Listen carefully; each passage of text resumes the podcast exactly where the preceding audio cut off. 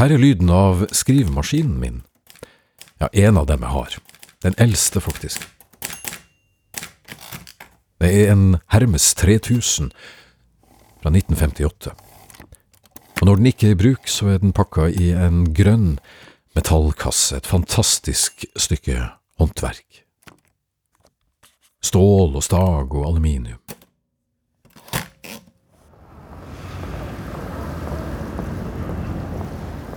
Kom i snakk med en fyr her for en tid tilbake. Han hadde trukket boblejakken tett rundt midjen, og ettermiddagssnoen gatelangs i Oslo var mildere enn den har vært de siste dagene. Han var sliten, men han var nykter, der nederst på Karl Johan, men han var øverst i humøret, og han hadde lagt merke til at jeg bar på en liten grønn umerka anonym metallkasse, skrivemaskinen min. Hallo, er det der en Remington? spurte han. Nei, det, det her er en Hermes 3000, svarte jeg forbløffa. Aha, men jeg tipper at det ikke er alle som vet hva det der er, ikke sant? spurte han. Ja, det har du nok rett i. Kjenner du til skrivemaskiner? Å ja, jøss, sa han. En Hermes, sier du. Du, bestefaren min, han skrev på en Remington. Han satt på hemmelig sted i Østfold under krigen, sa han. Han skrev illegale rapporter.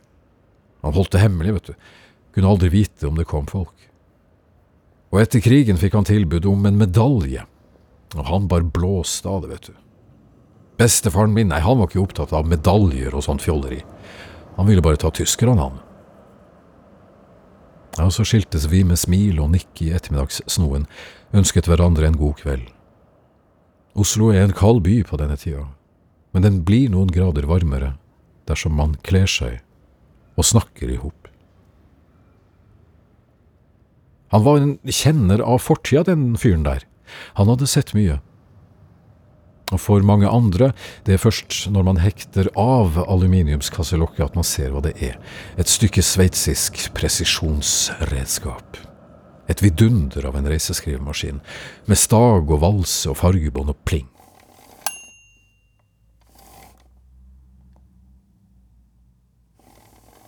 Året er altså 1958. Atomubåten Nautilus krysser under Nordpolen, Nikita Khrusjtsjov mønstrer på som statsleder i Sovjetunionen, rocken har kommet til verden, Elvis ruller med hoften, og i Sveits så ruller skrivemaskinfabrikken Pajar ut sin siste modell, Min Hermes 3000. 1958, tenk på det. Og den er mintgrønn, som en forsommerdag, der sola så vidt har fargelagt løvet med klorofyll. Den har avrundede hjørner og myke kanter som en Buick Super Riviera Coupé eller en Chevrolet Impala som regga stripa og dro damer fra Grorud til San Francisco. Helt åpenbart inspirert av tidens myke hofter og lysegrønt etterkrigshåp. Jeg vet jo ikke om skrivemaskinen dro så mange damer som Impalaene gjorde, men forfatterne derimot flokka seg rundt den, skrapte sammen de pengene de hadde, og stengte seg inne på røykfylte hybler og skrev, og skrev og skrev. Og på radioen hørte de Oh Sugar Moon. Det var Pat Boone som sang den gangen i 1958. Og trøst og bære som han sang, han sang lengsler, denne Pat Boone, og de skrev og skrev, disse forfatterne. Oh, sugar.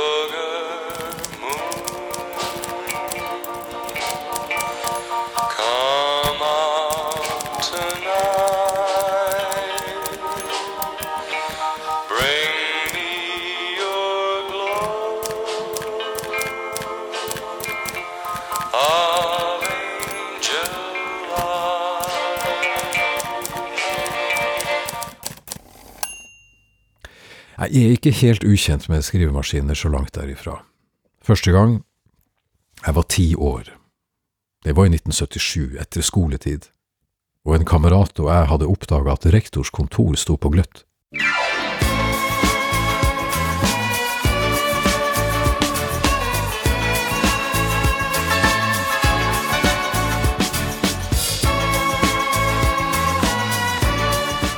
bordet hans. Ved siden av et overfylt askebeger sto en skrivemaskin.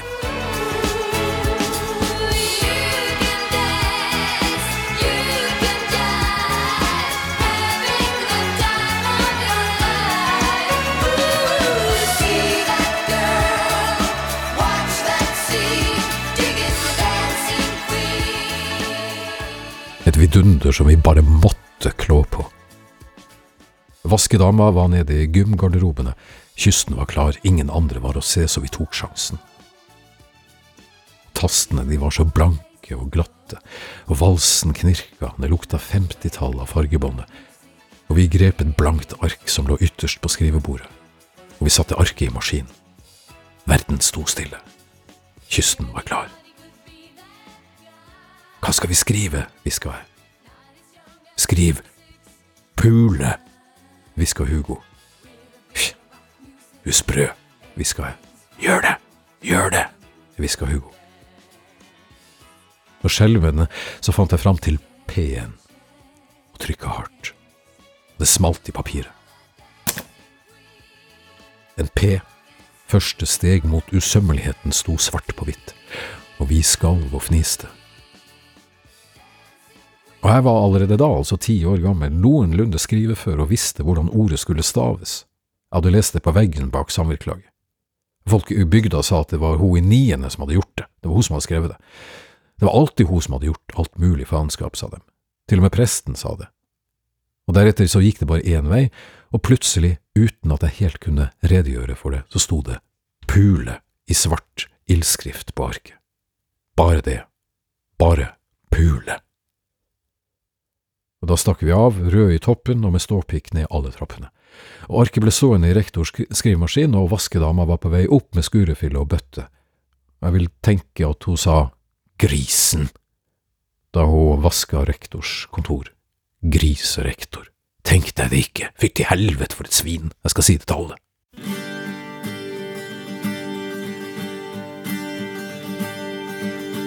Back to the ages. Back to the ages. Back to the ages. La fortida være i fred. La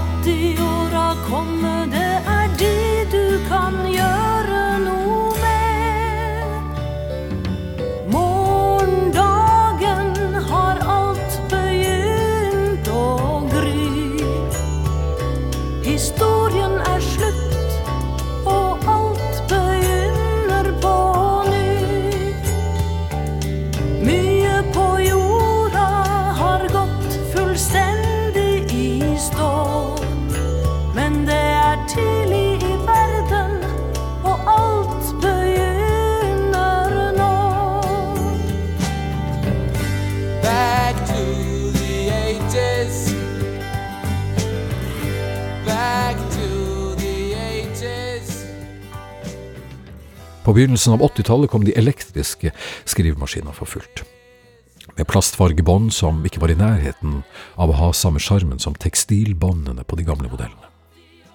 Jeg skrev særoppgaven Ufo-fenomenet i niende på elektrisk skrivemaskin, leid for 300 kroner fra et kontorfirma på Heimdal utenfor Trondheim.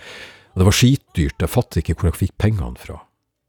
Vi hadde ikke mye penger hjemme, men dette måtte prioriteres, og jeg betalte kontant ved levering. Da hadde jeg allerede hatt valgfag maskinskriving på Rosenborg ungdomsskole, og jeg kjente mekanikk og anslagsfart på maskinene. En av de øvrige lærerne, en forrykt amerikaner, satte griller i hodene våre og sa at skrivemaskiner kommer til å forsvinne. Det kommer til å komme noe som heter data, sa han, han var jo fra USA, så han må jo ha visst det. Men han var det få som trodde på, amerikaneren sa jo så mye, sa de. Amerikanerne lover og ljuger, fnyste frøken Fredriksen i musikktimene og tvang oss til å synge Herr president, jeg skrev et brev jeg nå vil sende, og vi sang det for full hals. Og vi måtte mene det vi sang. Herr president, jeg skrev et brev jeg nå vil sende. Og for i tid kan hende de leser dette brevet. For jeg har mottatt selv et brev fra militæret som sier jeg skal være ved fronten onsdag kveld. Men jeg ble ikke sendt til jorden for å drepe. Så meg skal ingen slepe. I krig, er president. Beklager hvis det gjør dem sint å lese dette. Nu har de altså sett det. Jeg vil bli desertør.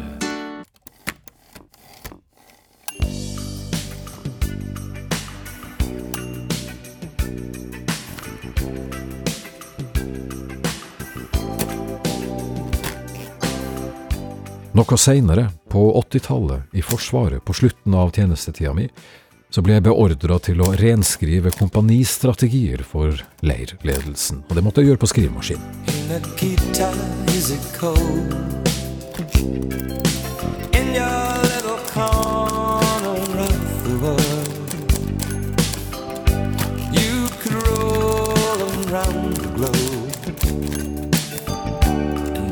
Of the world, a soul to know. Oh, I saw you by the wall. Ten of your tin soldiers in a row With eyes that looked like ice on fire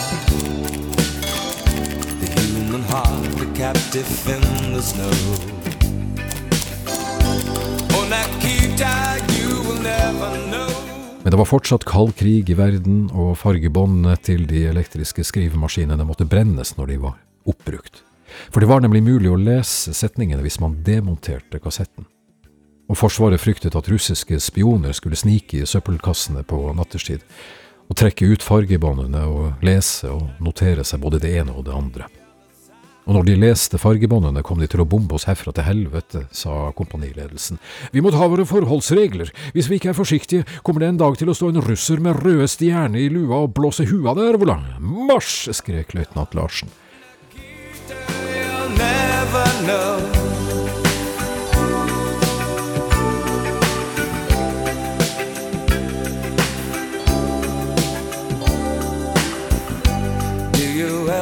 dream of me?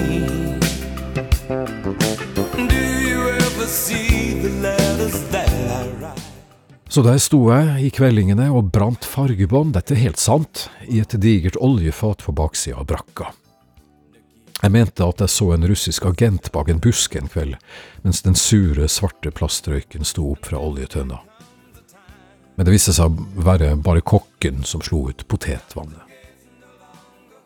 På den annen side hadde jo løytnant Larsen sagt at russiske spioner kom i alle forkledninger. Så nei, trygg, det kunne jeg ikke være. Just look towards the west and find a friend. Oh, Nikita, you will never know anything about my home. I'll never know how good it feels to hold you. Oh, Nikita, I need you so. Skrivemaskinene var fortsatt i bruk da jeg begynte i NRK i 1989. Vi skrev nyhetsmeldinger og introer på gult, knitrefritt papir, A5-format på tvers. Dette var visstnok et spesialbestilt papir til bruk i radio, som sagt knirkefritt, slik at det ikke skulle knirke i papir på sendinga mens vi leste. Lytterne liker ikke knitring, sa kringkastingsledelsen. Den amerikanske forfatteren Jack Kerouac, han skrev på en slik modell som min. Beat-generasjonens Grand Old Man kjøpte en Hermes 3000 i 1966 fordi han hadde slitt ut den forrige skrivemaskinen han hadde. Det skriver auksjonsfirmaet Christies i sitt følgebrev til Hermes-maskinen, som gikk for 22 500 dollar, og det her var i 2010. Kerouac han hamra løs på den til sin umiddelbare død i 1969, 47 år gammel. Den som har den skrivemaskinen nå, hvem det nå enn er, Christies er jo selvfølgelig diskré overfor sine kunder og vil ikke opplyse om det, må jo se spøkelser på høylys dag. Hvem som tidligere eide den modellen som jeg har, aner jeg ikke, men jeg har en god følelse rundt den. Betydelig billigere enn Kerouacs, det var den også, 400 kroner hadde jeg råd til. Solgt, sa han Per på bruktbutikken Det hvite hus i Vadsø, og skjenka en kopp kaffe på kjøpet den gangen. Men kom så nå til poenget, Jakob, er dette snakket om skrivemaskiner bare nostalgisk språkføring? Nei, det er jo ikke det, jeg mener bestemt at det ikke er det, jeg kan merke at det kommer en annen fase av skrivingen, når jeg må bruke hendene. Ordene de sklir linjelangs, noen ganger gjørmete som en stri vårbekk i en grøftekant, andre dager klart som elva Anarjokka i juli når myggen står som en sky rundt hodet og myggen stikker, men jeg bryr meg ikke. Og skrivemaskinen min er så befriende avlogga. Det kommer ingen meldinger opp i høyre skrivehjørne. Ingen push-varsler fra BBC eller Kringkastingens nyhetsavdeling, som jeg for øvrig elsker å få push-varsler fra. Ingen neonlysende tilbud om å kjøpe noe, ingen treningsbilder fra Instagram. Det er bare meg, tankene, ordene, bokstavstagene som dundrer i stål mot papir. Og Fargebåndet det varer i årevis, og går jeg tom, så er det alltids en eller annen obskur nettside som er gal nok til fortsatt å selge fargebånd. Det er meditativt, jeg bare skriver. Litt på Mac-en, litt på papir i notatbøkene mine, litt på min gamle Hermes 3000. Det blir ikke feilfritt, men det retter seg ut etter hvert. Og Pat Boone med Sugar Moon lå på Billboard-lista i 1958, året da min Hermes 3000 kom til verden. Og verden var analog, den var instrumental, den var kanskje naiv, og kanskje ordene var naive. Men croonerne, som det het, de som gikk høyt og lavt med fløtestemme, de sang tett ved rørmikrofonene, og bassen duvet, og skrivemaskinene knatret, og det var 1958. Oh, sugar moon, come out tonight.